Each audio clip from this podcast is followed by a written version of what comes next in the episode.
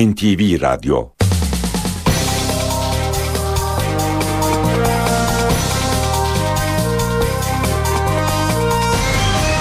İşe giderken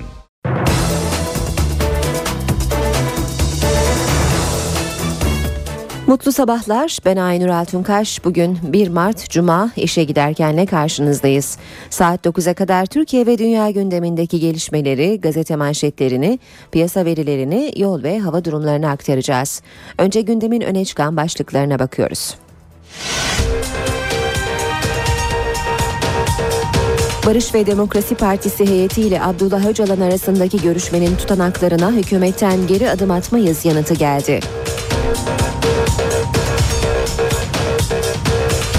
İmralı tutanaklarına muhalefetten de tepki var. CHP ve MHP anayasa pazarlığı yapıldığını savunurken BDP ise sürecin zarar görebileceğine dikkat çekti.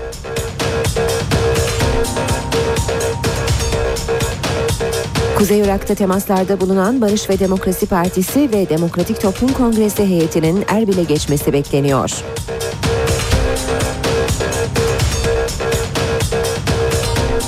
Başbakan Tayyip Erdoğan'a DHKPC tarafından gerçekleştirilecek bir suikast girişiminin son anda önlendiği ortaya çıktı.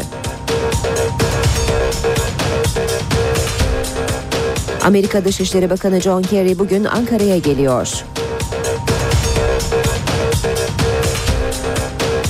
Rum yönetiminin yeni lideri Nikos Anastasiadis'ten Türkiye'nin Avrupa Birliği üyeliğine destek geldi. Anastasiadis, Kıbrıs sorununun çözümüne hazırız dedi.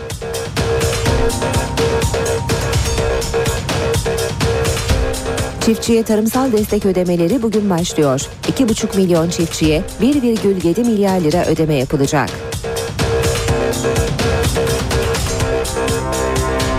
Hastanelerde kağıtla sevk dönemi bugün sona eriyor. Sevk işlemleri artık sadece elektronik ortamda yapılabilecek.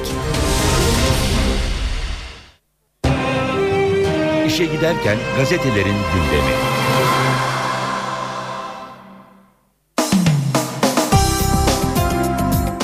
Basın özetlerine geçmeden önce İstanbul ve Ankara'daki dinleyicilerimizi uyaralım. Kuru ve soğuk bir geceden sabaha uyandık. Yeşil alanlarda çiğ, yollarda ise gizli buzlanma dikkati çekiyor. Sürücüleri uyaralım. Özellikle köprü ve viyadüklerdeki buzlanmaya karşı süratimizi azaltmakta fayda var. Bugünün de e, cuma olduğunu ve trafiğin e, normalden daha da yoğun olabileceği uyarısını da hatırlatalım.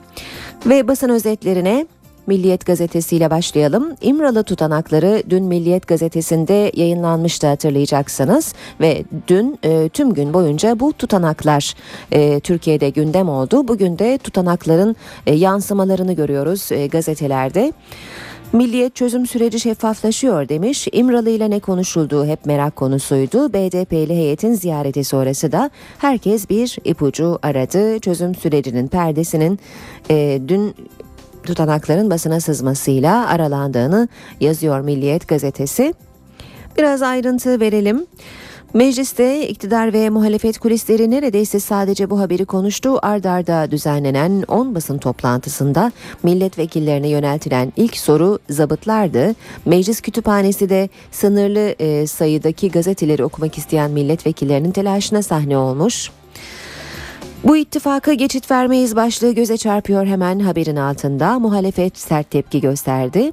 BDP heyetiyle Öcalan arasındaki görüşmede konuşulanlar muhalefette tepki yarattı.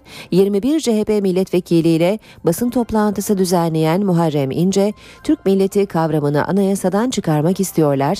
AKP PKK anayasasını yaptırmayacağız. Bu ittifaka geçit vermeyeceğiz dedi. MHP lideri Bahçeli de yaptığı yazılı açıklamada milli kimliğimizin idam fermanı hazırlanıyor. Bunlar olurken savcıların suskun kalması anlaşılır değil diye konuştu.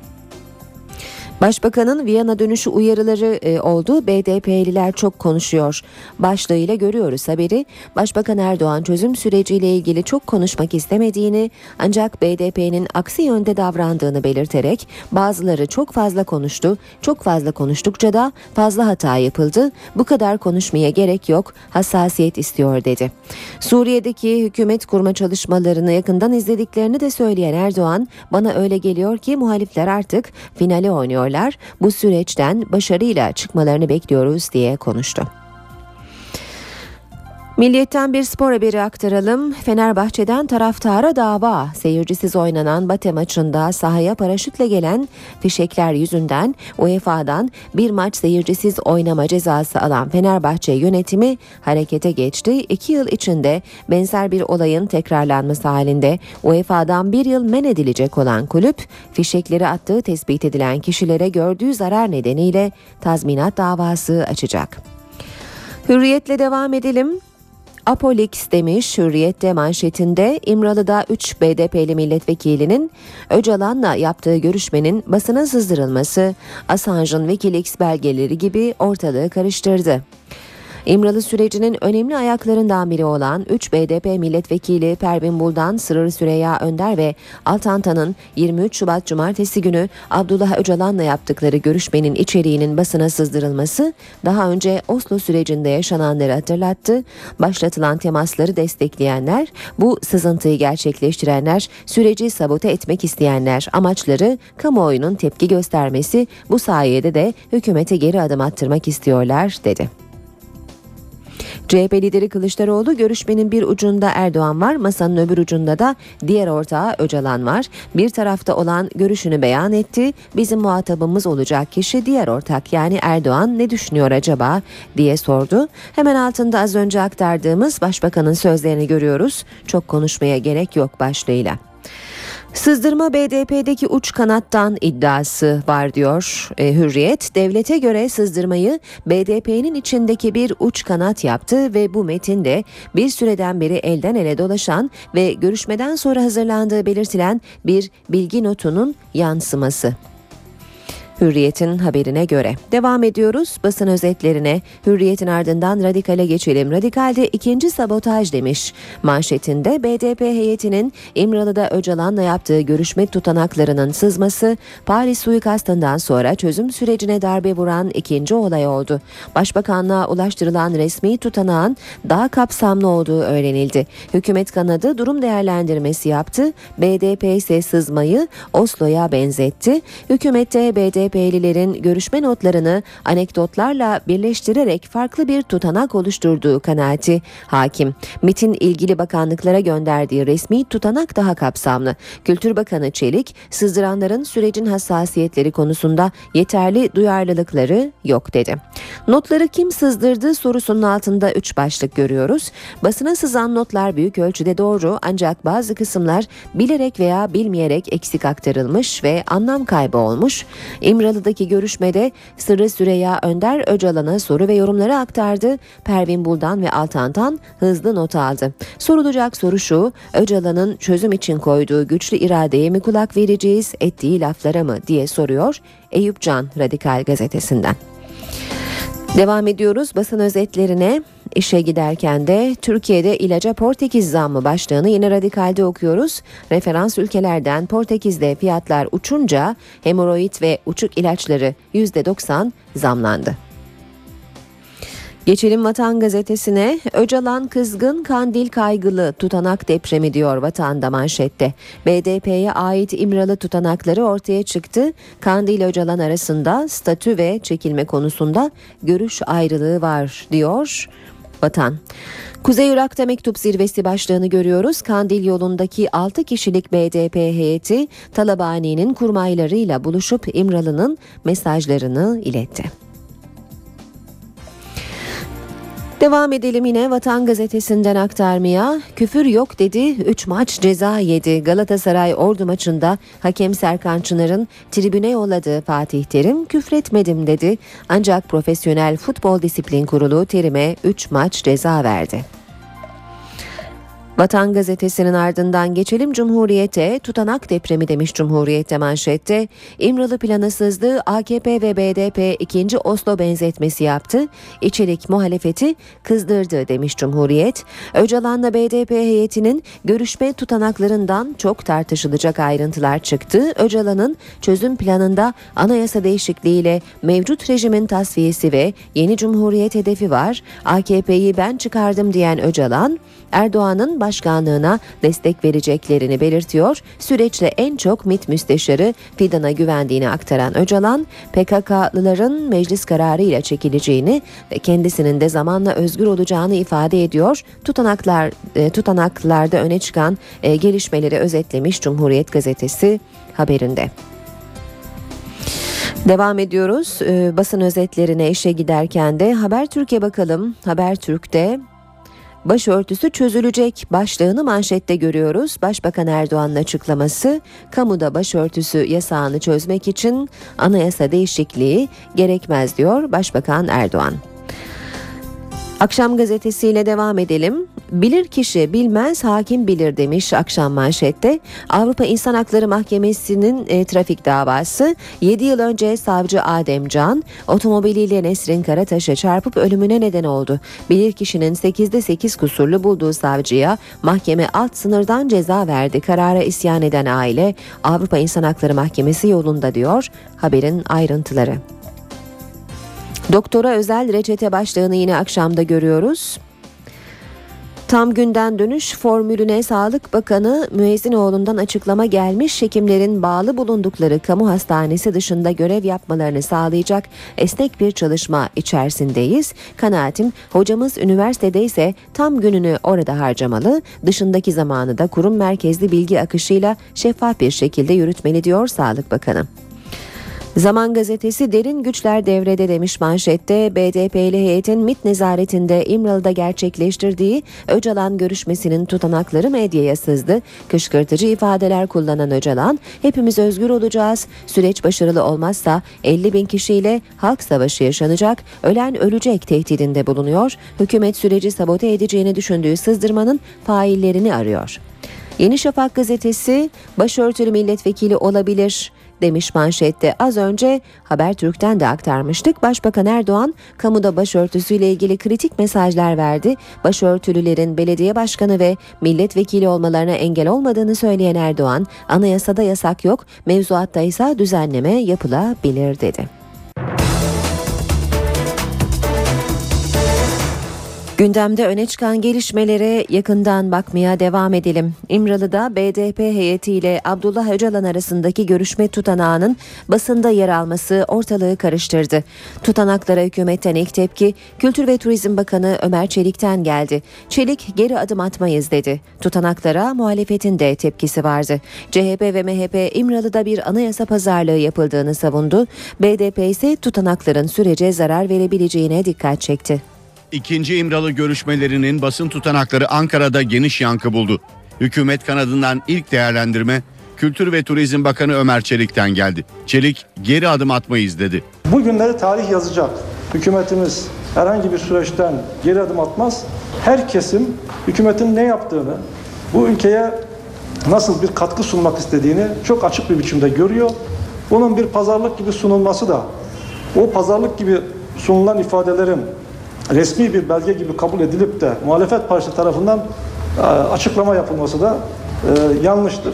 İki yanlış bir doğru etmez. E, biz bildiğimiz yolda ilerlemeye devam edeceğiz. Ancak muhalefet tutanaklara sert tepki verdi. Bir görüşme var. Görüşmenin bir ucunda Recep Tayyip Erdoğan var. Masanın öbür ucunda da diğer ortağı Abdullah Öcalan var. Bu masada silah bırakmak falan yok. Kimseyi kandırmasınlar. Silah bırakmak yok. Silah tehdidiyle anayasa yapmak. Bu milletin terör örgütüyle paylaşacak anayasası yok. PKK anayasası yapmak istiyorlar.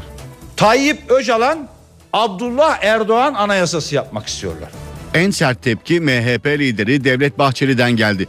Yazılı açıklama yapan Bahçeli, Cumhuriyet savcılarını göreve çağırdı. Cumhuriyet savcılarının suskun kalması anlaşılır ve kabul edilebilir gibi değildir. Türk ordusunun peşine düşen ve gün aşırı tutuklamalar yapan savcılar ve hakimler Türkiye'nin imhaya doğru gittiğini görmezden gelmektedir. Tutanakların yayınlanması BDP kanadından da yankı buldu. Bugün medyaya yansıyan e, özellikle görüşme notlarının bir bütününün çok şık olduğunu söyleyemem. Bugünkü yansıyan bu tablonun e, sürece diliyorum, umuyorum ki kimse bu boyutuyla zarar vermez ve sürecin karşısında olanlar bunu her halükarda kullanacaklar. Sakık, Kandil'e düzenlenen hava operasyonunu da eleştirdi.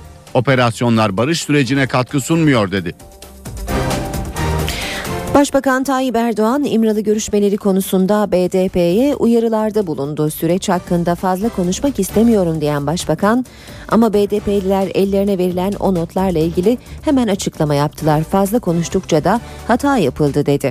Başbakan Erdoğan Viyana dönüşü uçakta gazetecilerin sorularını yanıtladı.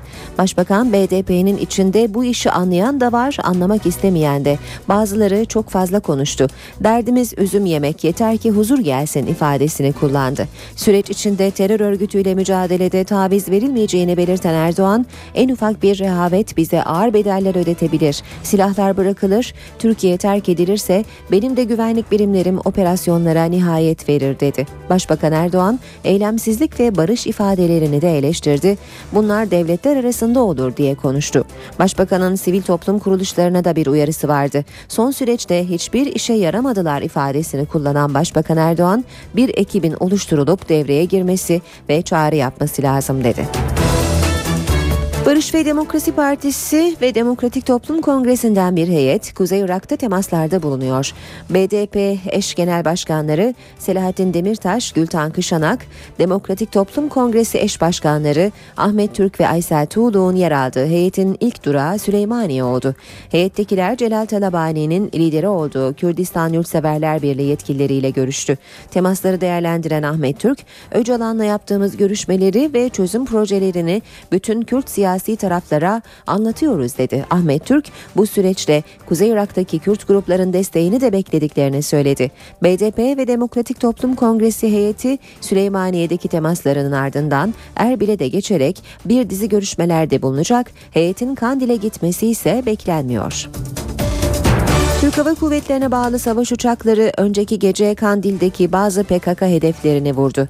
Askeri kaynaklar harekatın bazı karakollara yönelik saldırı hazırlığı istihbaratı üzerine gerçekleştirildiğini bildirdi. Diyarbakır 2. Hava Kuvvet Komutanlığı'ndan kalkan F-16 savaş uçakları ağırlığı Kandil olmak üzere İran kuzeyin, Irak'ın kuzeyindeki bazı PKK hedeflerine bomba yağdırdı.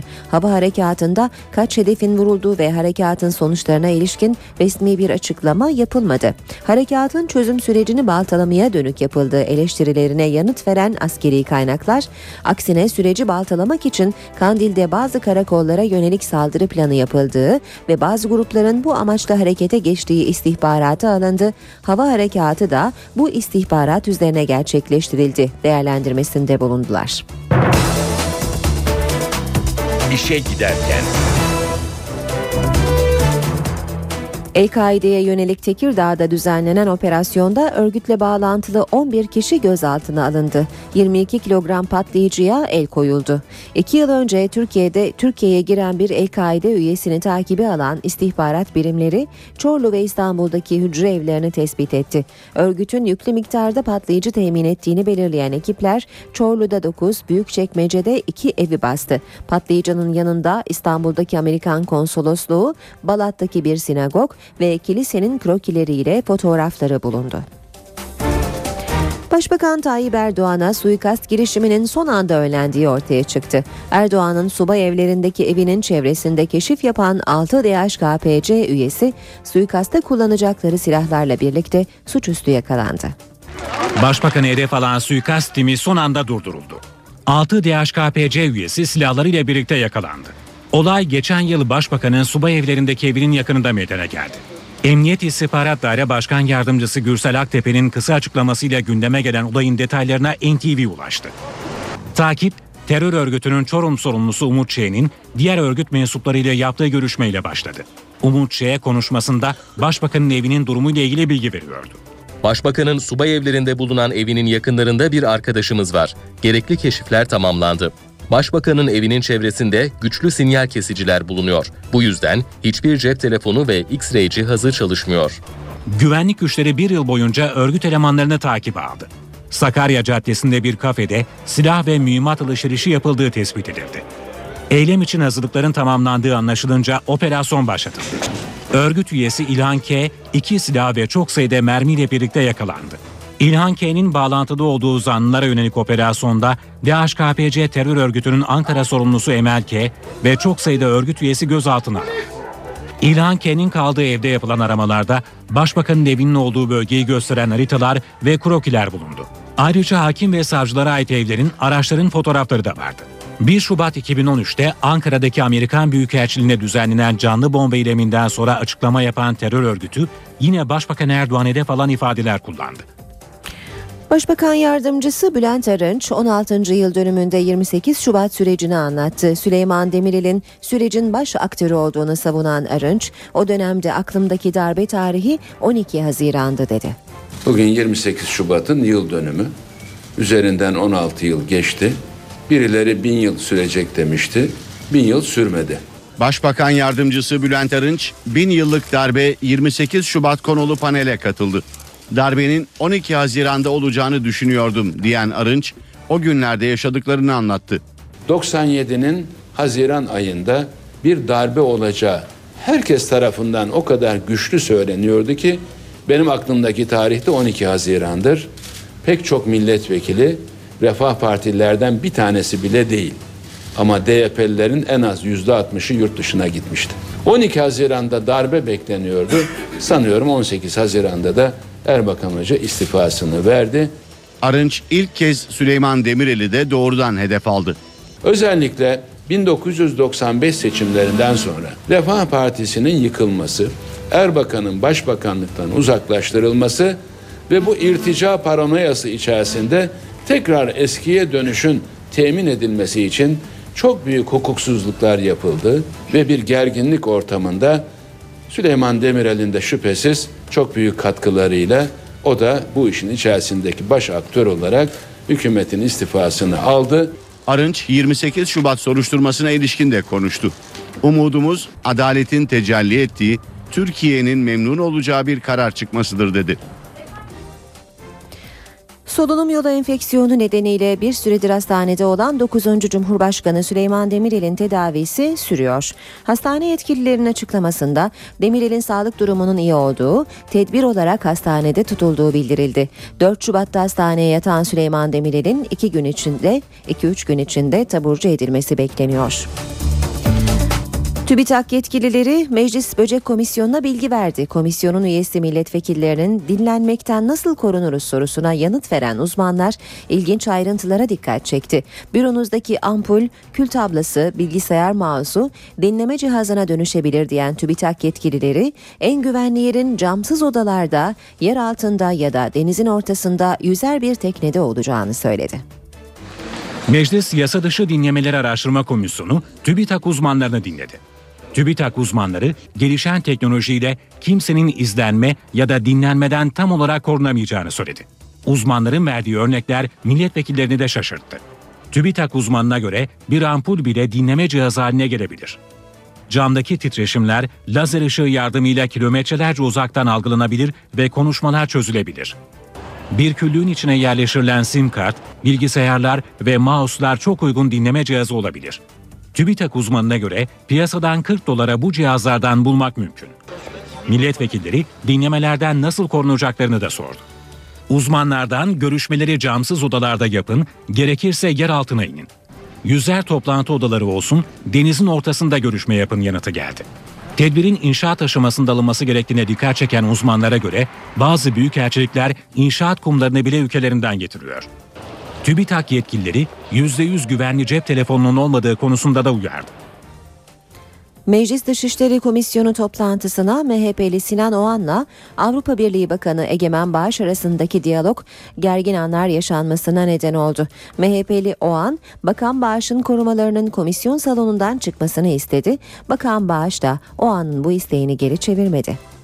Sayın Vekilim herhalde tedirgin oldu. Ne sizden ne korumalarınızdan tedirgin olmayız. Her şeye illa laf yetiştirmek durumunda değilsiniz Sayın Vekilim. Bu diyalog Meclis Dışişleri Komisyonu'nda soğuk rüzgarlar estirdi.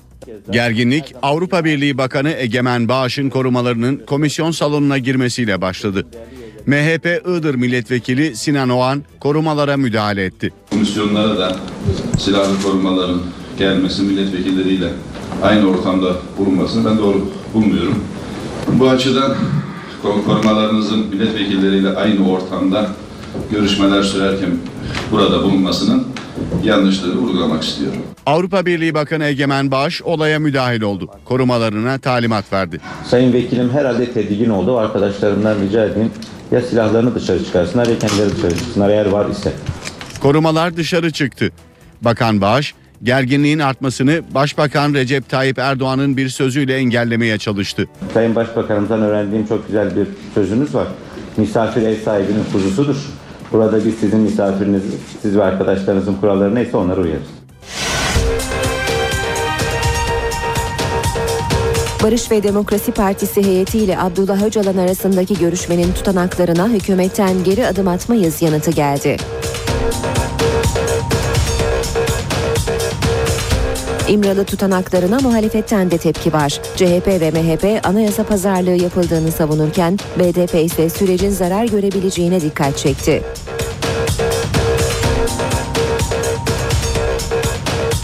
Kuzey Irak'ta temaslarda bulunan Barış ve Demokrasi Partisi ve Demokratik Toplum Kongresi heyetinin Erbil'e geçmesi bekleniyor.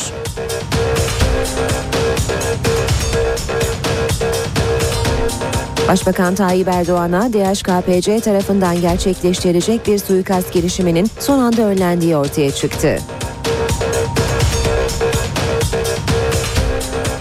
Amerika Dışişleri Bakanı John Kerry bugün Ankara'ya geliyor.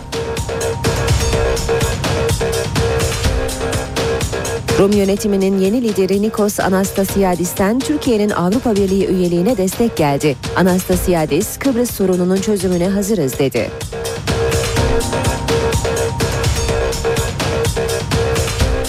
Çiftçiye tarımsal destek ödemeleri bugün başlıyor. 2,5 milyon çiftçiye 1,7 milyar lira ödeme yapılacak.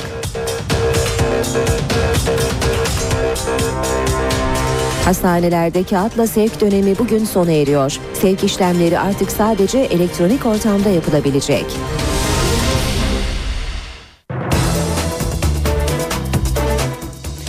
Birazdan spor haberleriyle devam edeceğiz. Saat 7.38. Şimdi 3 büyük şehrimizin yol durumlarına bakalım. Özellikle İstanbul ve Ankara'da e, sabah saatlerinde hava çok soğuktu. Kuru hava sebebiyle de yollarda buzlanma oluşmuştu. E, özellikle e, bu olumsuzluğa dikkat e, çekmek istedik. Ancak yine de e, kazalar oluyor. E, bu kazalardan biri de Şile yolunda meydana geldi. E, Küçük Su Şile Tepe üstü yönünde meydana gelen bu kaza sebebiyle bölge trafiği artıyor. Fatih Sultan Mehmet Köprüsü Anadolu Avrupa geçişi yoğunluğu Küçük Bakkalköy'de başlıyor. Köprü girişine kadar trafik etkili. Ters yönde e, gişeler sonrasında başlayan ve köprü girişinde sona eren bir yoğunluk var.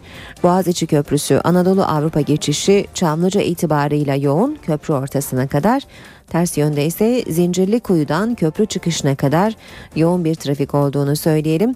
Balmumcu katılımının trafiğe kapatıldığını bir kez daha hatırlatalım. Sürücülere Yıldız katılımını kullanmanız gerekiyor.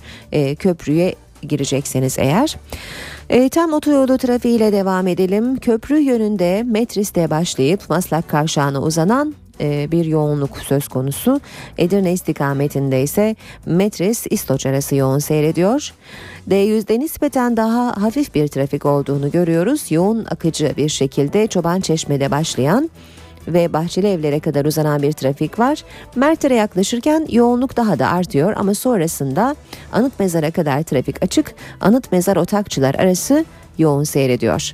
Küçük çekmece de avcılarda e, yoğun bir trafik var. Avcılar Hacı Şerif yönündeki yol bakım çalışmalarının da bu trafiği etkilediğini söyleyelim. Aynı şekilde Anadolu yakasında da Kartal'da çalışma var. Ancak şu saatlerde henüz aşırı bir yoğunluk olmadığını görüyoruz. Anadolu yakası D100 karayolunda Gül Suyu Soğanlık arasında trafik yoğun seyrediyor ve Bostancı Kozyatağı arasında da yoğunluğun etkili olduğunu görüyoruz. Ankara ve İzmir'le devam edelim. Cinnah Caddesi Atatürk Bulvarı arasında ortalama hız 25 kilometre, varış süresi 14 dakika. Keçiören Kavşağı Atatürk Bulvarı arasında ortalama hız 36 kilometre ve varış süresi 16 dakika gibi görünüyor. İzmir'de Bornova'dan Alsancak'a 43 kilometre ortalama hızla 13 dakikada, 3 kuyulardan Alsancak'a 36 kilometre hızla 14 dakikada ulaşabilirsiniz.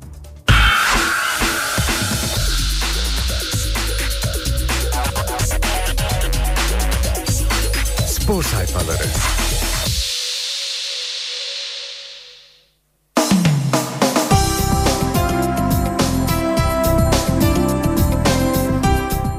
Sırada spor haberleri var. Habertürk'le başlayalım okumaya. Terime 3 maç. Ordu Spor maçında yaşanan olaylar sonrası Profesyonel Futbol Disiplin Kurulu'na sevk edilen Galatasaray Teknik Direktörü'nün cezası belli oldu. Profesyonel Futbol Disiplin Kurulu dünkü 8 saat süren toplantısında Terim'in sözlü savunmasını aldı. Fatih Hoca, hakem Serkan Çınar'a söylediklerinin rapordaki gibi olduğunu belirtti ve kendisine ceza verilmesinin vicdana sığmayacağını ifade etti. Kurul, uzun süren görüşmenin ardından e, Terim'in sevk edildiği 3 ayrı eylemi hakaret, tehdit ve talimatı ihlali de sportmenliğe aykırı hareket kapsamına soktu. 3 maç yedek kulübesine ve soyunma odasına giriş yasağı verdi. Aynı şekilde yardımcı antrenör Hasan Şaş da sportmenliğe aykırı hareketten bir maç ceza aldı. Ümit Davala ve idareci Şükrü Hanedar'a ceza çıkmadı.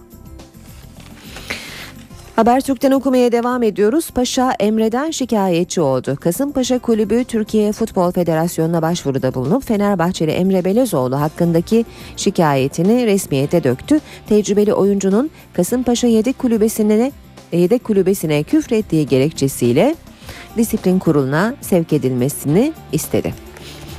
Devam ediyoruz. Yine Habertürk'ten okuyalım. Bıktım artık. UEFA'nın verdiği cezalar nedeniyle derbi konsantrasyonunu kaybeden Aykut Kocaman, her şeyimiz yine alt üst oldu. Her dakika bir şeyle uğraşmaktan bıktım artık diyerek isyan etti. Miloš Krasic Haziran'ı bekliyor. Krasic artık gün sayıyor. Yıldız futbolcunun menajeri Rus basınından İzvestiya'ya yaptığı açıklamada Rusya'dan teklifler var ama kesin kararı yaz döneminde vereceğiz. Haziran ayına kadar Krasic Türkiye'de olacak dedi. Hürriyet gazetesinden spor haberleri aktaralım. Fatih Terim'in cezası ile ilgili haber 6 maç oylamasını Fatih Terim kazandı başlığıyla görmüş Hürriyet. Ertelenen iki maçlık cezanın eklenmesini savunan üyeler azınlıkta kaldı. 3 maç ceza aldı. Ordu Spor maçında tribüne gönderilen Galatasaray Teknik Direktörü için 5 saatlik toplantıda 2 üye 6 maçta ısrar ederken 5'i 3 maçı uygun gördü. Hasan Şaş'a 1 maç ceza verildi. Profesyonel Futbol Disiplin Kurulu'nun kritik karar 5'e 2 oy çokluğuyla çıktı. Devam ediyoruz. Hürriyet gazetesinden aktarmaya Onlara öyle, Fener'e neden böyle? UEFA Fenerbahçe'yi 3 Temmuz sürecinden dolayı mı cezalandırıyor? UEFA Disiplin Kurulu'nun çifte standardı tepkiyle karşılandı. Kurul sarı lacivertli taraftarın neden olduğu olaylar nedeniyle Fenerbahçe'yi bir yıl Avrupa kupalarından men edeceğini duyururken benzer olaylarda Spartak Moskova ile Lazio'ya iltimas geçti.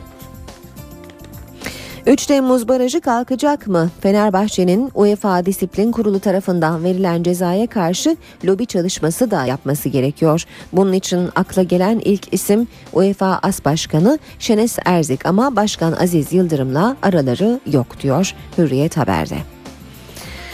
Devam ediyoruz. Hürriyetten spor haberleri aktarmaya. Direkten dönecek. Beşiktaş'ın şutu 90'da direkten dönecek. Fenerbahçe'nin hem şansı açık hem de yabancıları iyi bir performans sergileyecek. Derbi öncesi değerlendirmeleri görüyoruz. Hürriyet gazetesinin haberinde. Emre okuldan vazgeçti başlığı var. Fenerbahçeli futbolcu yorumlar üzerine fikir değiştirdi. Annesinin memleketi Maçka'ya inşa edecekti. Polemik yaşadığı Trabzonlu bazı taraftar gruplarının anaokulu projesine gösterdiği tepkiden rahatsız olan Emre imzaladığı protokolü iptal etti. Yine Hürriyet gazetesinden spor haberleri aktarmaya devam edelim. Yeniden doğuş imzası. Daha önce bu kadar büyük bir anlaşma yapılmamıştı en önemli ortaklık. Beşiktaş yeni yapılacak olan İnönü Stadı'nın isim hakkının satılması ve alanların pazarlanması gibi konularda IMG Doğuş'la dün anlaşma imzaladı. Devam ediyoruz spor haberleri aktarmaya. Trabzon cephesinden gelişmelere bakalım. İsteseler de federasyon başkanı olamam. Sadri Şener Türkiye Futbol Federasyonu Başkanlığı bana uygun bir profil değil ben çok dangıl dungul konuşuyorum dedi. Trabzonspor Başkanı Şener, sarı kırmızılı kulüple ilgili çok tartışılacak bir benzetmede bulundu. Galatasaray, Arap Şeyhi gibi. Onların paraları çok zaten yakın bir zamanda bizim takımı da alabilirler. Belki böyle bir imaj yaratmak istiyorlar. Biz her şeyi alıp satabiliriz diye. Burak transferinden doğan kırgınlığının da sürdüğünü söylemiş Sadri Şener. Ve Milliyet Gazetesi ile bitireceğiz bu bölümü. Aktaracağımız e, ilk haber Neyi savunacağız başlığını taşıyor. Fenerbahçe taraftarının sorumsuzluğu imajımızı bir kez daha sarstı. İtiraza hazırlanan yönetimin eli kolu bağlandı demiş Milliyet gazetesi haberinde. Maç arası maç sırasında stat dışından atılan yanıcı cisim oyun alanına düştü. Bu gerçek değiştirilemez. Söz konusu tehlikeli madde nedeniyle hakem oyunu durdurdu. Hakem kararı gözlemcinin raporuna geçti. Bate maçı defalarca uyarı gelmesine rağmen sahaya atılan yanıcı maddeler nedeniyle seyircisiz oynandı. Cezaya neden olan olay seyircisiz bir maçta gerçekleşti ki bunun savunulacak bir tarafı kalmadı. Neyi savunacağız? Başlığı altında bunlar yer alıyor Milliyet gazetesinde. Spor haberleri aktarmaya devam edelim. Yine e, Milliyet gazetesinden okuyacağız. Fener yine kayıp. Siena deplasmanına yeni çalıştırıcısı Ertuğrul Erdoğan'la giden ve grupta mucizelere kalan şansını devam ettirmek isteyen Fenerbahçe Ülker yine hüsran yaşadı. 20 top kaybı yapan ve savunmada aksayan temsilcimiz salondan 18 farkla yenik ayrıldı. Skor 69-87. Kapkara Kartal Türk Hava Yolları Euroleague ve grubunda mücadele eden Beşiktaş 9. maçında da galibiyetle tanışamadı. Yunan Olympiakos'a yenilmekten kurtulamadı.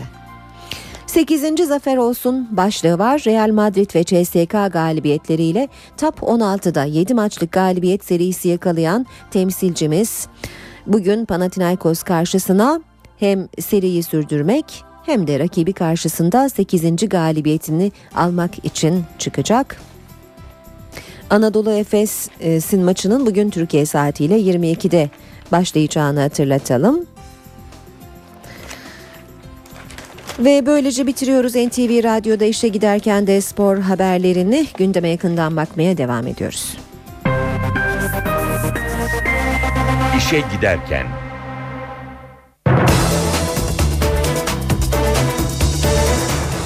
Çiftçiye tarımsal destek ödemeleri bugün başlıyor. 2,5 milyon çiftçiye 1,7 milyar lira ödenecek. Gıda, Tarım ve Hayvancılık Bakanlığı su ürünleri için 102 milyon, yem bitkileri için 115 milyon, sertifikalı tohum kullanımı için 22,5 milyon ve hayvancılık için de 14,5 milyon lira ödeyecek.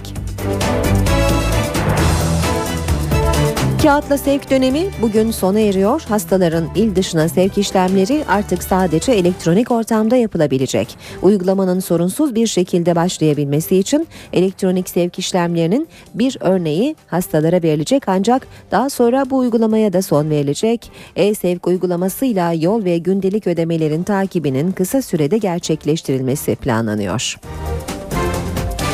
Devlet 8 binden fazla engelli memur alacak. Başvurular başladı. Adaylar 6121 kadro için başvurularını 8 Mart'a kadar yapacak. Diyanet İşleri Başkanlığı da ayrıca 2000'e yakın engelli personel alacak. Devlet Personel Başkanlığı Başkan Yardımcısı Enes Polat başvuru koşullarını açıkladı. Engelli memur adayları için başvuru süresi başladı. 6121 adet e, kadro için ilana çıkıldı. E, bunun 591'i kura sonucuna göre atama evet. yapılacak personel sayısı. Kura işlemi de e, muhtemelen 8 Mart tarihinde başvurular sona erecek. Evet. Ondan sonra 15 e, Mart tarihine kalmaksızın bu işlemin sonuçlandırılacağını zannediyorum ben.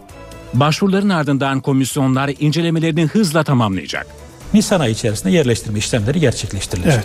Evet. NTV yayınına katılan Devlet Personel Başkan Yardımcısı Enes Polat, başvuru sırasında dikkat edilmesi gereken noktaları anlattı.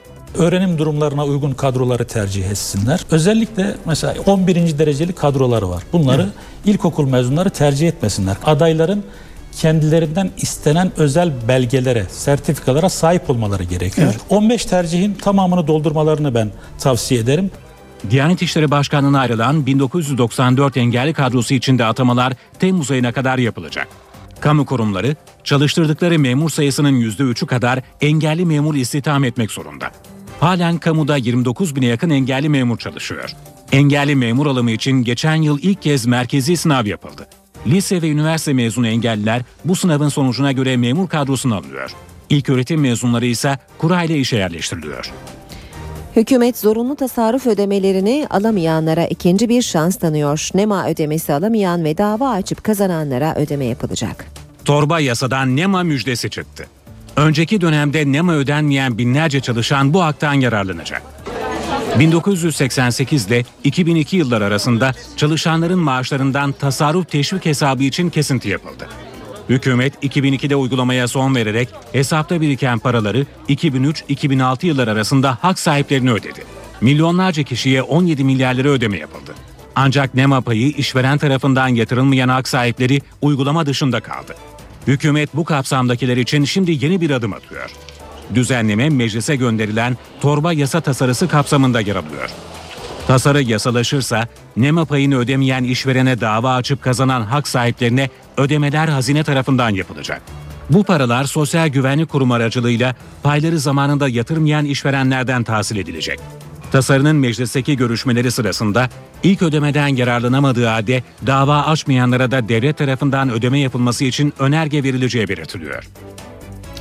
Banliyö hatları etap etap yüzeysel metroya çevriliyor. Bu kez Halkalı Kazlı Çeşme arasındaki tren hattı dönüştürülüyor.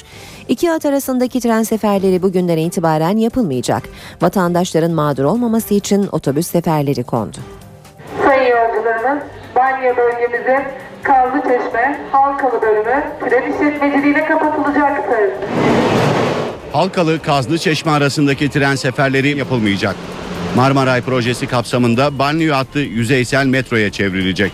Her gün işe gidip geliyoruz bununla. Nasıl olacak şimdi kaldırıldı? Otobüsle artık gidip geleceğiz.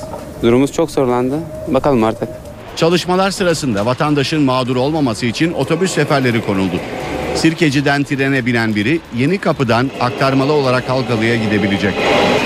Otobüsler kesinlikle yeterli olmaz. Felç olacak İstanbul öyle söyleyelim. Metrobüse yoğunluk olacak ve kimse işine gücüne gidemeyecek.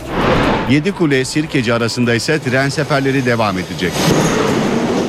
Proje tamamlandığında Gebze'den Halkalı'ya kesintisiz ulaşım sağlanacak. İstanbul'da Taksim'e inşa edilecek Topçu Kışlası projesine onay çıktı. Kültür ve Turizm Bakanı Ömer Çelik projenin Koruma Yüksek Kurulu tarafından kabul edildiğini açıkladı. 1940 yılında yıkılan orijinal halinden esinlenerek hayata geçirilecek Toplu Kışlası'nın Topçu Kışlası'nın inşasıyla Gezi Parkı tarihe karışacak. Tarihsel mirası yeniden dirilten ve o alanı kurtaran bir çalışma olarak e, biz ona biz buna kıymet veriyoruz. Bizim yüksek kurulumuzdan geçmiştir. E, Artık bundan sonra inşa süreci, yeniden canlandırma süreci başlayacaktır. Kültür ve Turizm Bakanı Ömer Çelik, İstanbul Taksim'e yapılacak Topçu Kışlası projesine onay verildiğini bu sözlerle açıkladı. Proje 1780 ile 1940 arasında varlığını sürdüren tarihi Topçu Kışlası'ndan esinlenerek yapılacak. Topçu Kışlası eskiden orijinalinin bulunduğu Gezi Parkı'na inşa edilecek. Koruma Bölge Kurulu Gezi Parkı'nın Taksim'e mal olduğu gerekçesiyle projeyi iptal etmişti. Ancak İstanbul Büyükşehir Belediyesi'nin Kültür ve Tabiat Varlıklarını Koruma Yüksek Kurulu'na itirazı sonucunda proje kabul edildi. Topçu Kışlası 16 metre yüksekliğinde ve 6 futbol sahası büyüklüğünde olacak. Kışlanın ortası yeşil alan, konser yeri veya buz pisti olarak da düşünülüyor. Belirlenen alana alışveriş merkezi ve müze inşa edilmesi de gündemde. Tarihi Topçu Kışlası 1. Dünya Savaşı'na kadar Osmanlı ordusunun önemli merkezlerinden biri olmasının yanı sıra gösteri ve kutlamalar için de kullanılmıştı. NTV Radyo Barış ve Demokrasi Partisi heyeti ile Abdullah Öcalan arasındaki görüşmenin tutanaklarına hükümetten geri adım atmayız yanıtı geldi. İmralı tutanaklarına muhalefetten de tepki var. CHP ve MHP anayasa pazarlığı yapıldığını savunurken BDP ise sürecin zarar görebileceğine dikkat çekti.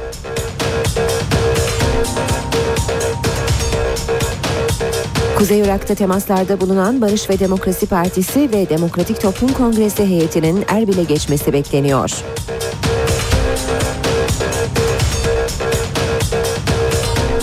Başbakan Tayyip Erdoğan'a DHKPC tarafından gerçekleştirilecek bir suikast girişiminin son anda önlendiği ortaya çıktı. Amerika Dışişleri Bakanı John Kerry bugün Ankara'ya geliyor. Rum yönetiminin yeni lideri Nikos Anastasiadis'ten Türkiye'nin Avrupa Birliği üyeliğine destek geldi. Anastasiadis, Kıbrıs sorununun çözümüne hazırız dedi.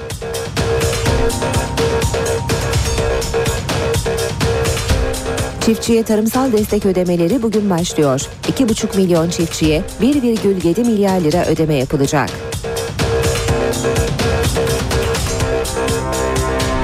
Hastanelerde kağıtla sevk dönemi bugün sona eriyor. Sevk işlemleri artık sadece elektronik ortamda yapılabilecek. Gökhan Abur yanımızda günaydın Sayın Abur. Günaydın. Şubat bitti. Bugün itibariyle Mart başladı. Soğuk bir ay olacağını söylemiştiniz. Ee, hava açık ama soğuk gerçekten. Hafta sonu da geliyor. Neler söyleyeceksiniz? Evet e, batı bölgelerde dün görülen yağış etkisini bugün kaybetti ama hava dediğiniz gibi oldukça soğuk. E, hatta şu anda Ankara hala 0 derece İstanbul'da 1-2 derecelere çıkmaya çalışıyor. Boğaz'da e, sabah saatlerinde yer yer radyasyon sisi dediğimiz bir sis vardı. Bu giderek etkisini kaybet, kaybedecek. Yerde kırağı vardı hatta İstanbul'un yükseklerinde sabah erken saatlerde buz vardı ki bu kırağı ve buz şu anda da etkisini sürdürmeye devam ediyor. Özellikle otoyollarda viyadüklerde biraz dikkatli olun. Bugün hava soğuk. Batıda yağış beklemiyoruz. İç kesimlerdeki sis ve pus bugün etkisini sürdürürken doğuda aralıklarla yağış devam edecek. Hatta yer yer bu yağışlar e, ilerleyen saatlerde kar şeklinde Erzurum, Kars, Manakkari boyunca etkili olacak.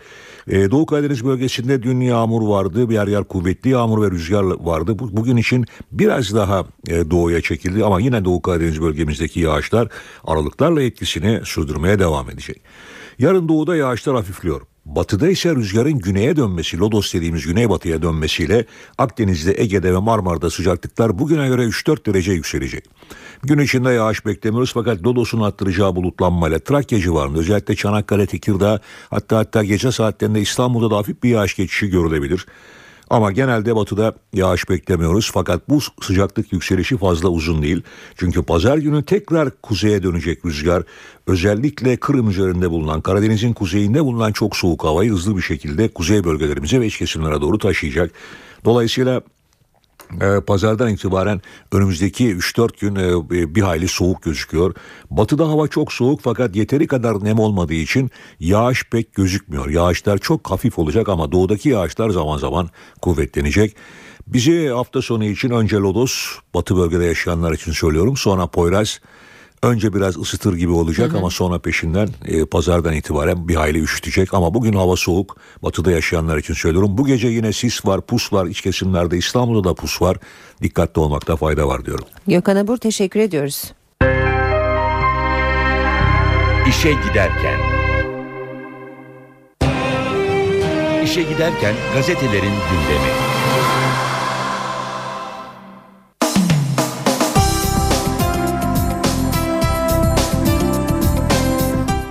Basın özetlerine Milliyet gazetesiyle başlayacağız. İmralı görüşmelerinin tutanakları dün Milliyet'te İmralı zabıtları başlığıyla yayınlanmıştı. Ee, ve gündem bu e, zabıtlar ve e, yansımaları gibi görünüyor. Tüm gazetelerde görüyoruz. Söz konusu haberleri çözüm süreci şeffaflaşıyor demiş Milliyet bugünkü manşetinde ise.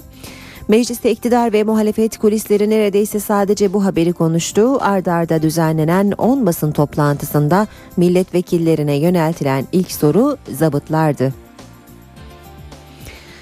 Devam edelim yine Milliyet'ten söz konusu haberleri okumaya. Bu ittifaka geçit vermeyiz. Muhalefet sert tepki gösterdi.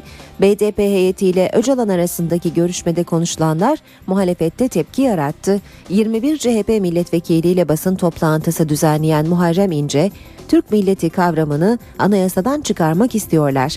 AKP PKK anayasasını yaptırmayacağız, bu ittifaka geçit vermeyeceğiz dedi.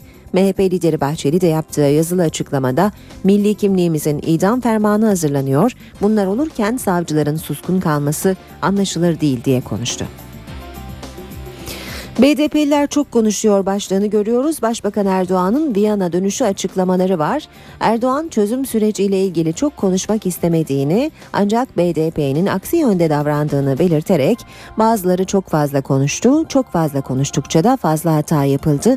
Bu kadar konuşmaya gerek yok, hassasiyet istiyor dedi. Hürriyet gazetesinden haberlerle devam edelim. Apolix demiş Hürriyet'te manşette. İmralı'da 3 BDP'li milletvekilinin Öcalan'la yaptığı görüşmenin basına sızdırılması Assange'ın Wikileaks belgeleri gibi ortalığı karıştırdı.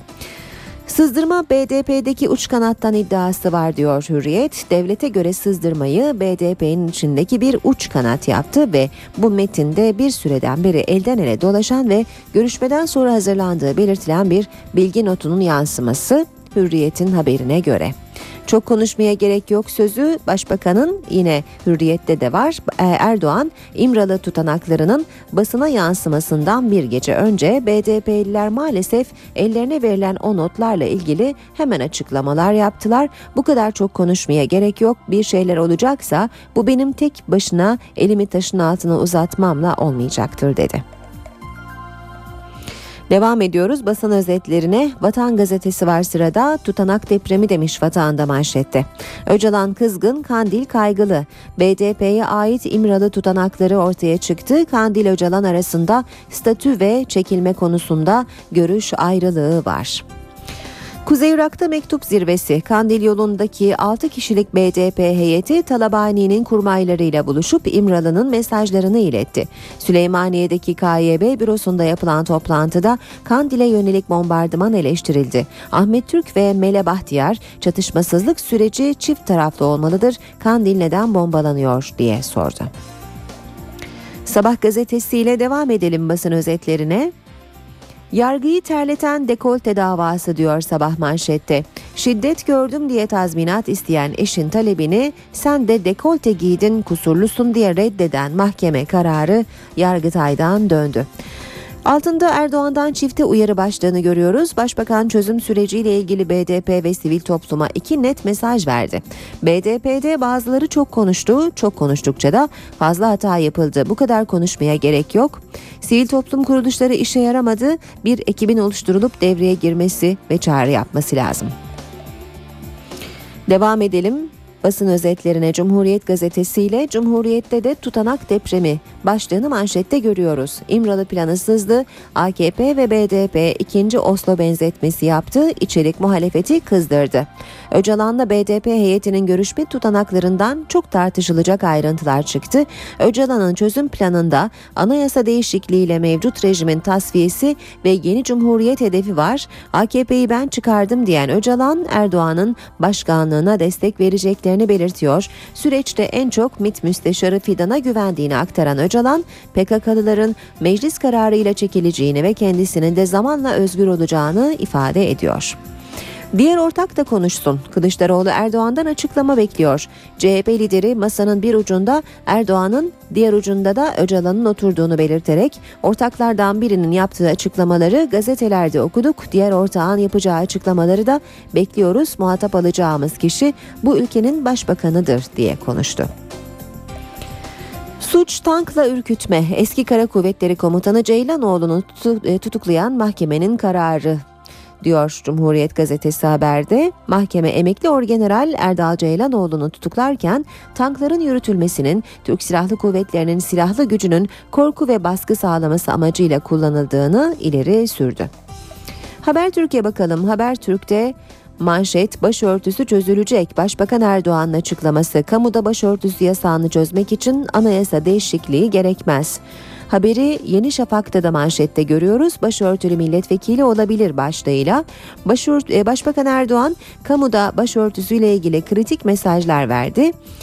Başörtülerin belediye başkanı ve milletvekili olmalarına engel olmadığını söyleyen Erdoğan, anayasada yasak yok, mevzuatta ise düzenleme yapılabilir dedi.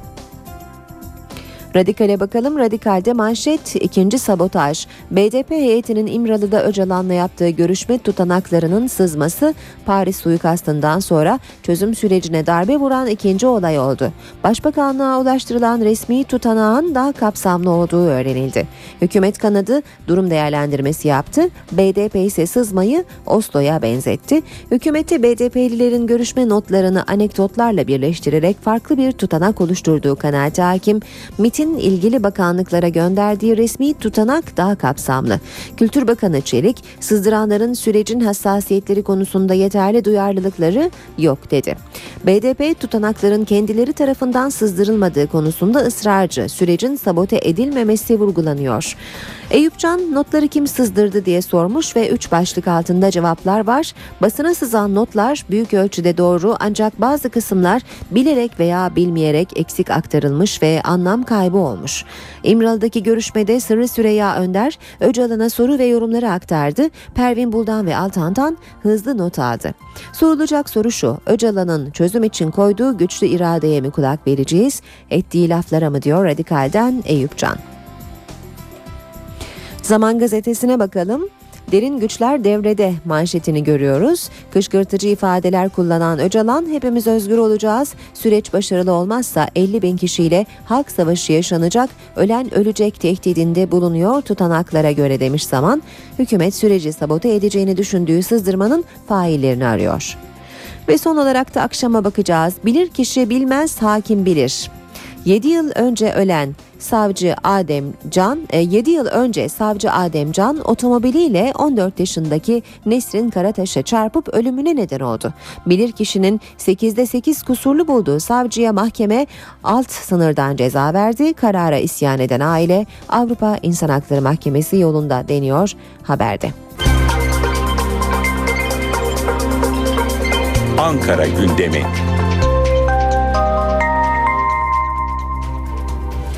Reklamların sonrasında başkent gündemiyle döndük. Karşımızda NTV muhabiri Miray Aktağ Uluç var. Miray günaydın.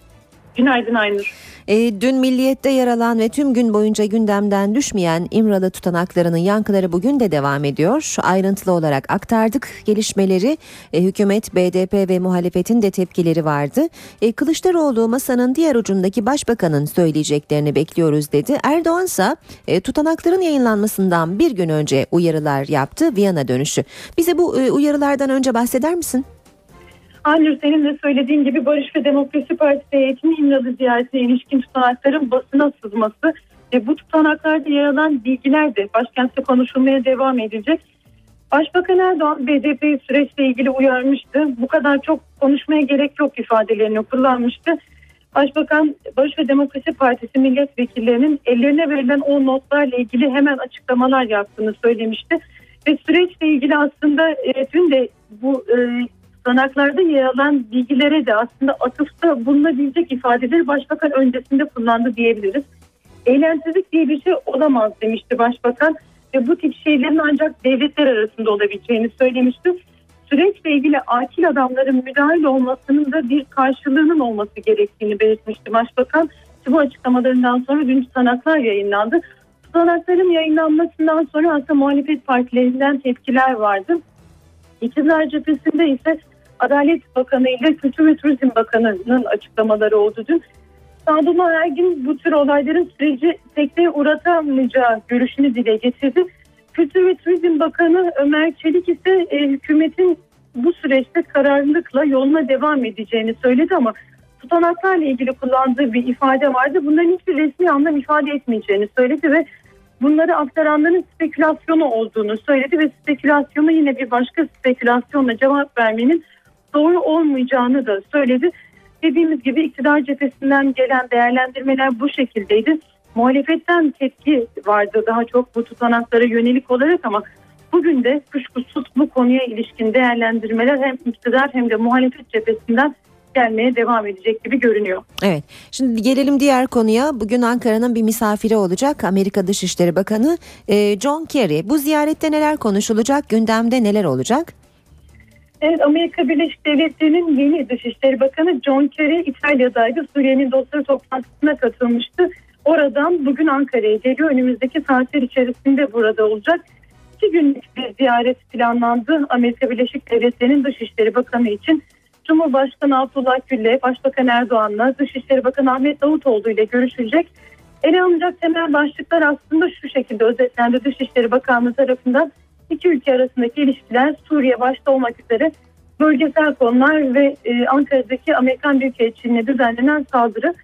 Ancak Başbakan Erdoğan da Viyana'dan dönerken uçakta John Kerry'nin ziyaretine ilişkin önemli ipuçları verdi neler konuşulacağı konusunda. John Kerry'nin Suriye konusunda nasıl bir paketle geleceğini merak ettiğini söyledi Başbakan Erdoğan ve Amerika Birleşik Devletleri'nin öncelikli olarak Birleşmiş Milletler'de Rusya ve Çin'i daimi olarak sıkıştırması gerektiğini belirtti Başbakan. Rusya ve Çin'in tavrını değiştirmesi halinde Beşar Esad'ın oradan aldığı desteği kaybedeceğini de ifade etti. Başbakan ve kendi ziyaretinde bunları göreceğiz ifadelerini kullandı. O yüzden daha çok Suriye başlığının ön planda olmasını bekliyoruz. Aynı zamanda dün e, Suriye'nin dostları toplantısında Davutoğlu'yla da aslında ilk görüşmesini yaptı. Ondan çok kısa bir süre sonra bugün ikinci bir görüşme yapacaklar.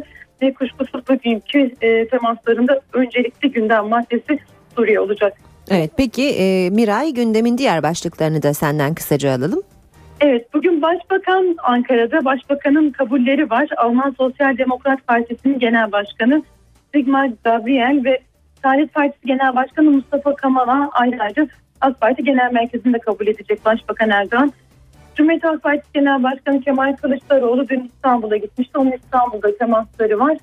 Bugün üç bakanın beraber katılacağı bir program var. Başkent gündeminin önemli maddelerinden biri bu. Milli Eğitim Bakanı Nabi Avcı, Aile ve Sosyal Politikalar Bakanı Fatma Şahin ve İçişleri Bakanı Muammer Güler Birleşmiş Milletler'in kadınların insan haklarının geliştirilmesi adlı bir programına katılacaklar. Bugün günlerden cuma olduğu için Türkiye Büyük Millet Meclisi'nde sakin bir gündem olduğunu söyleyebiliriz. Milletvekillerinin basın toplantıları var. E, e, Cumhuriyet Halk Partisi'nden Orhan Düzgün, Faik Öztürk, Milliyetçi Hareket Partisi'nden de Oktay Vural'ın basın toplantısı olacak bugün. Mecliste ayrıca deprem haftası nedeniyle bir etkinlik var. Nasıl Mahriki Akut Başkanı milletvekillerine ve personeline bir sunum yapacak ve başkentin rutin gündeminden son not ekonomi cephesinden olacak. Türkiye İstatistik Kurumu 4. çeyrek sanayi iş gücü girdi endeksleri ve 2012 yılına ilişkin girişimcilik verilerini açıklayacak Türkiye İstatistik Kurumu ve bizler de gün boyunca bu başlıkları aktaracağız. Miray Aktağ Uluç teşekkür ediyoruz. Kolay gelsin. Teşekkürler. İşe giderken Sırada trafik var. İstanbul, Ankara ve İzmir'in yol durumlarına bakacağız. İstanbul'da önce e, iki noktada kaza var. Hemen bunları aktaralım. E, bu kazalardan biri Ümraniye Küçüksu.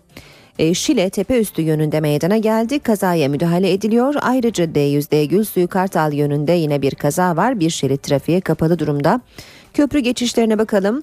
Fatih Sultan Mehmet Köprüsü Kozyatağı, e, Boğaziçi Köprüsü ise Çamlıca itibarıyla Avrupa yakasına geçişlerde yoğunluk e, gösteriyor. Sadece e, Fatih Sultan Mehmet Köprüsü köprü girişine kadar yoğun ancak e, Boğaziçi Köprüsü'nde köprü çıkışında da trafiğin yoğun olduğunu bir süre daha e, söylememiz gerekiyor. E, Fatih Sultan Mehmet Köprüsü Avrupa Anadolu geçişi Etiler katılımı itibarıyla köprü girişine kadar e, yoğun ancak e, Boğaziçi Köprüsü'nde yoğunluk biraz daha fazla Mecidiyeköy'de başlıyor ve köprü çıkışında da yine bir süre devam ediyor. E, Tem otoyolunda köprü yönünde Metris Maslak arası yoğun seyrediyor. E, D100'de ise en yoğun bölge e, Topkapı e, ve e, Darül arasında. Ee, Anadolu yakasında ise D100'de yoğunluk olduğunu görüyoruz. Küçük Yalı, Maltepe arası çift yönlü yoğun seyrediyor. Bostancı Kozyatağı arasında da yoğunluk var. Tem'de Ataşehir, Dudullu e, ve e, Dudullu gişeler arası da yine yoğun bölgelerden. Ayrıca Kartal Kavşağı'ndaki çalışma sebebiyle bölgede de trafiğin yoğun olduğunu hatırlatalım. Şehir içinde de trafik yoğun. Hastal Ok Meydanı arasında e, Av- Avrupa yakasında trafik yoğun. Ayrıca O3'de 100 yıl köprüsünden Anıt Mezar'a kadar trafik yoğun seyrediyor. Ve Ankara ile İzmir'e bakacağız İstanbul'un ardından. Ankara'da Cinnah Caddesi Atatürk Bulvarı arası 22 km hızla 16 dakikada, Kızılay Dikmen arası 29 km hızla 11 dakikada, Atatürk Orman Çiftliği Gençlik Parkı arası 25 km hızla 17 dakikada, Keçiören Anadolu Bulvarı arası 25 km hızla 24 dakikada kat edilebilir. İzmir'de e, Bornova Alsancak arası 40 km hızla 13 dakikada geçilebilir. Karabağlar Konak arası 36 km hızla 6 dakikada, Mavişehir Konak arası ise 32 km hızla 28 dakikada aşılabilir. Şimdi haberlere bakmaya devam edelim. 28 Şubat soruşturması kapsamında tutuklanan eski Kara Kuvvetleri Komutanı Erdal Ceylanoğlu ifadesinde Sincan'dan tankların geçiş emrini kendisinin değil dönemin Kara Kuvvetleri Kurmay Başkanı'nın verdiğini söyledi. Ceylanoğlu tanklar Sincan'dan geçerken Uludağ'da tatildeydim dedi. 28 Şubat soruşturması kapsamında tutuklanan eski Kara Kuvvetleri Komutanı Erdal Ceylanoğlu'nun savcılık ifadesinin detayları ortaya çıktı. Sincan'dan tankları yürüten paşa olarak alınan Ceylanoğlu, emir vermedin, bana verilen emri uyguladım dedi. İstediği zaman şehir içinde ya da tümen dışında tanklar yürütülemez. O tarihte Uludağ'da tatildeydim. Olayı duyar duymaz tatilimi yarıda keserek Ankara'ya geldim.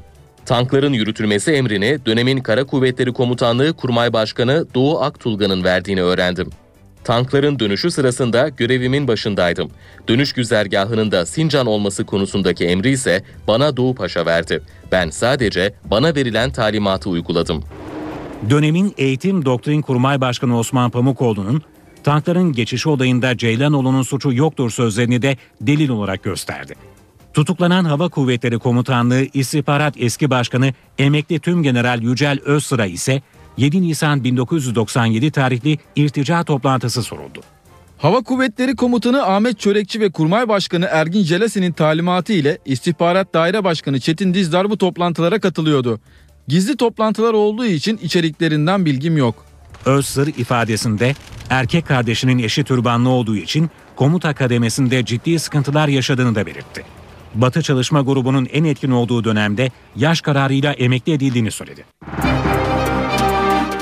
Piyasalara bakalım. İMKB 100 endeksi 1167 puan yükselerek 79.333 puandan kapandı. Hisse senetleri ortalama %1,5 oranında değer kazandı. Bu sabah serbest piyasada dolar 1.80, euro 2.35'ten işlem görüyor. Euro dolar 1.30, dolar yen 92 düzeyinde. Altının onsu 1580 dolar, kapalı çarşıda külçe altının gramı 91 lira, çeyrek altın 153 lira, Brent petrolün varil fiyatı 112 dolar. Barış ve Demokrasi Partisi heyetiyle Abdullah Öcalan arasındaki görüşmenin tutanaklarına hükümetten geri adım atmayız yanıtı geldi. İmralı tutanaklarına muhalefetten de tepki var. CHP ve MHP anayasa pazarlığı yapıldığını savunurken BDP ise sürecin zarar görebileceğine dikkat çekti.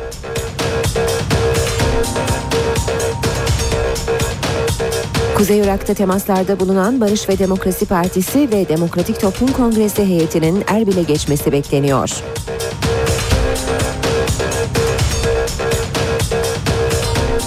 Başbakan Tayyip Erdoğan'a DHKPC tarafından gerçekleştirilecek bir suikast girişiminin son anda önlendiği ortaya çıktı. Amerika Dışişleri Bakanı John Kerry bugün Ankara'ya geliyor. Rum yönetiminin yeni lideri Nikos Anastasiadis'ten Türkiye'nin Avrupa Birliği üyeliğine destek geldi. Anastasiadis, Kıbrıs sorununun çözümüne hazırız dedi.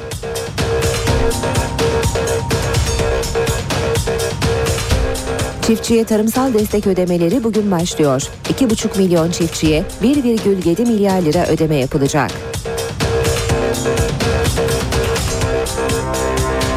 Hastanelerde kağıtla sevk dönemi bugün sona eriyor. Sevk işlemleri artık sadece elektronik ortamda yapılabilecek.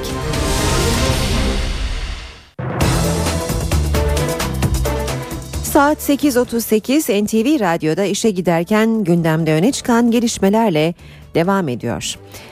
İzmir'in eğlence merkezi Kordon'da artık sessizlik hakim. Çünkü işletmeler telif yasasından yana dertti. İşletmeciler açılan davaları bir bir kaybediyor. Bütün bunları başlatansa ünlü şarkıcı Duffy'nin Well Well Well adlı şarkısının izinsiz çalınması. İzmir kordondaki eğlence mekanları, kafe ve restoranlarda sessizlik hakim. Çünkü mekanların başı telif davaları nedeniyle dertte. İşletme sahipleri açılan davaları birer birer kaybediyor. Dört tane e, Müzik Yayıncıları Derneği ile ayrı ayrı e, uzlaştık e, ve çok ciddi bir meblağda e, ödememizi yaptık. Fakat bu problem hala devam ediyor. Bu bedeller çok yüksek bedeller. Ben şahsıma müzik yayınımı kaldırdım. Davayı kaybedenler arasında Kordon İş Adamları Derneği'nin başkanı Ömür Şanlı da var. Davanın nedeni ise dünya ünlü şarkıcı Amy Ann Duffy'nin Well Well Well adlı şarkısının izinsiz çalınması. İşletme sahipleri telif ücretlerini ödemeyi kabul ediyor. Ancak Şanlı'ya göre esas sorun her müzik meslek birliğinin ayrı ücret istemesi.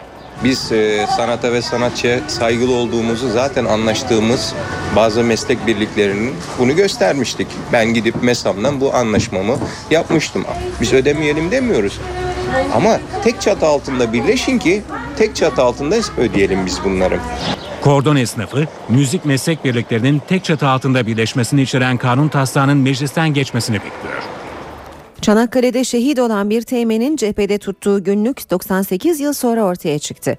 Teğmen İbrahim Naci'nin cephede sürekli yanından ayır, ayrılamadığı günlük, Teğmen şehit olduktan sonra son bulmuyor. Önce Teğmen'in komutanı, o da şehit olunca bölük imamı günlüğe yazmaya devam ediyor.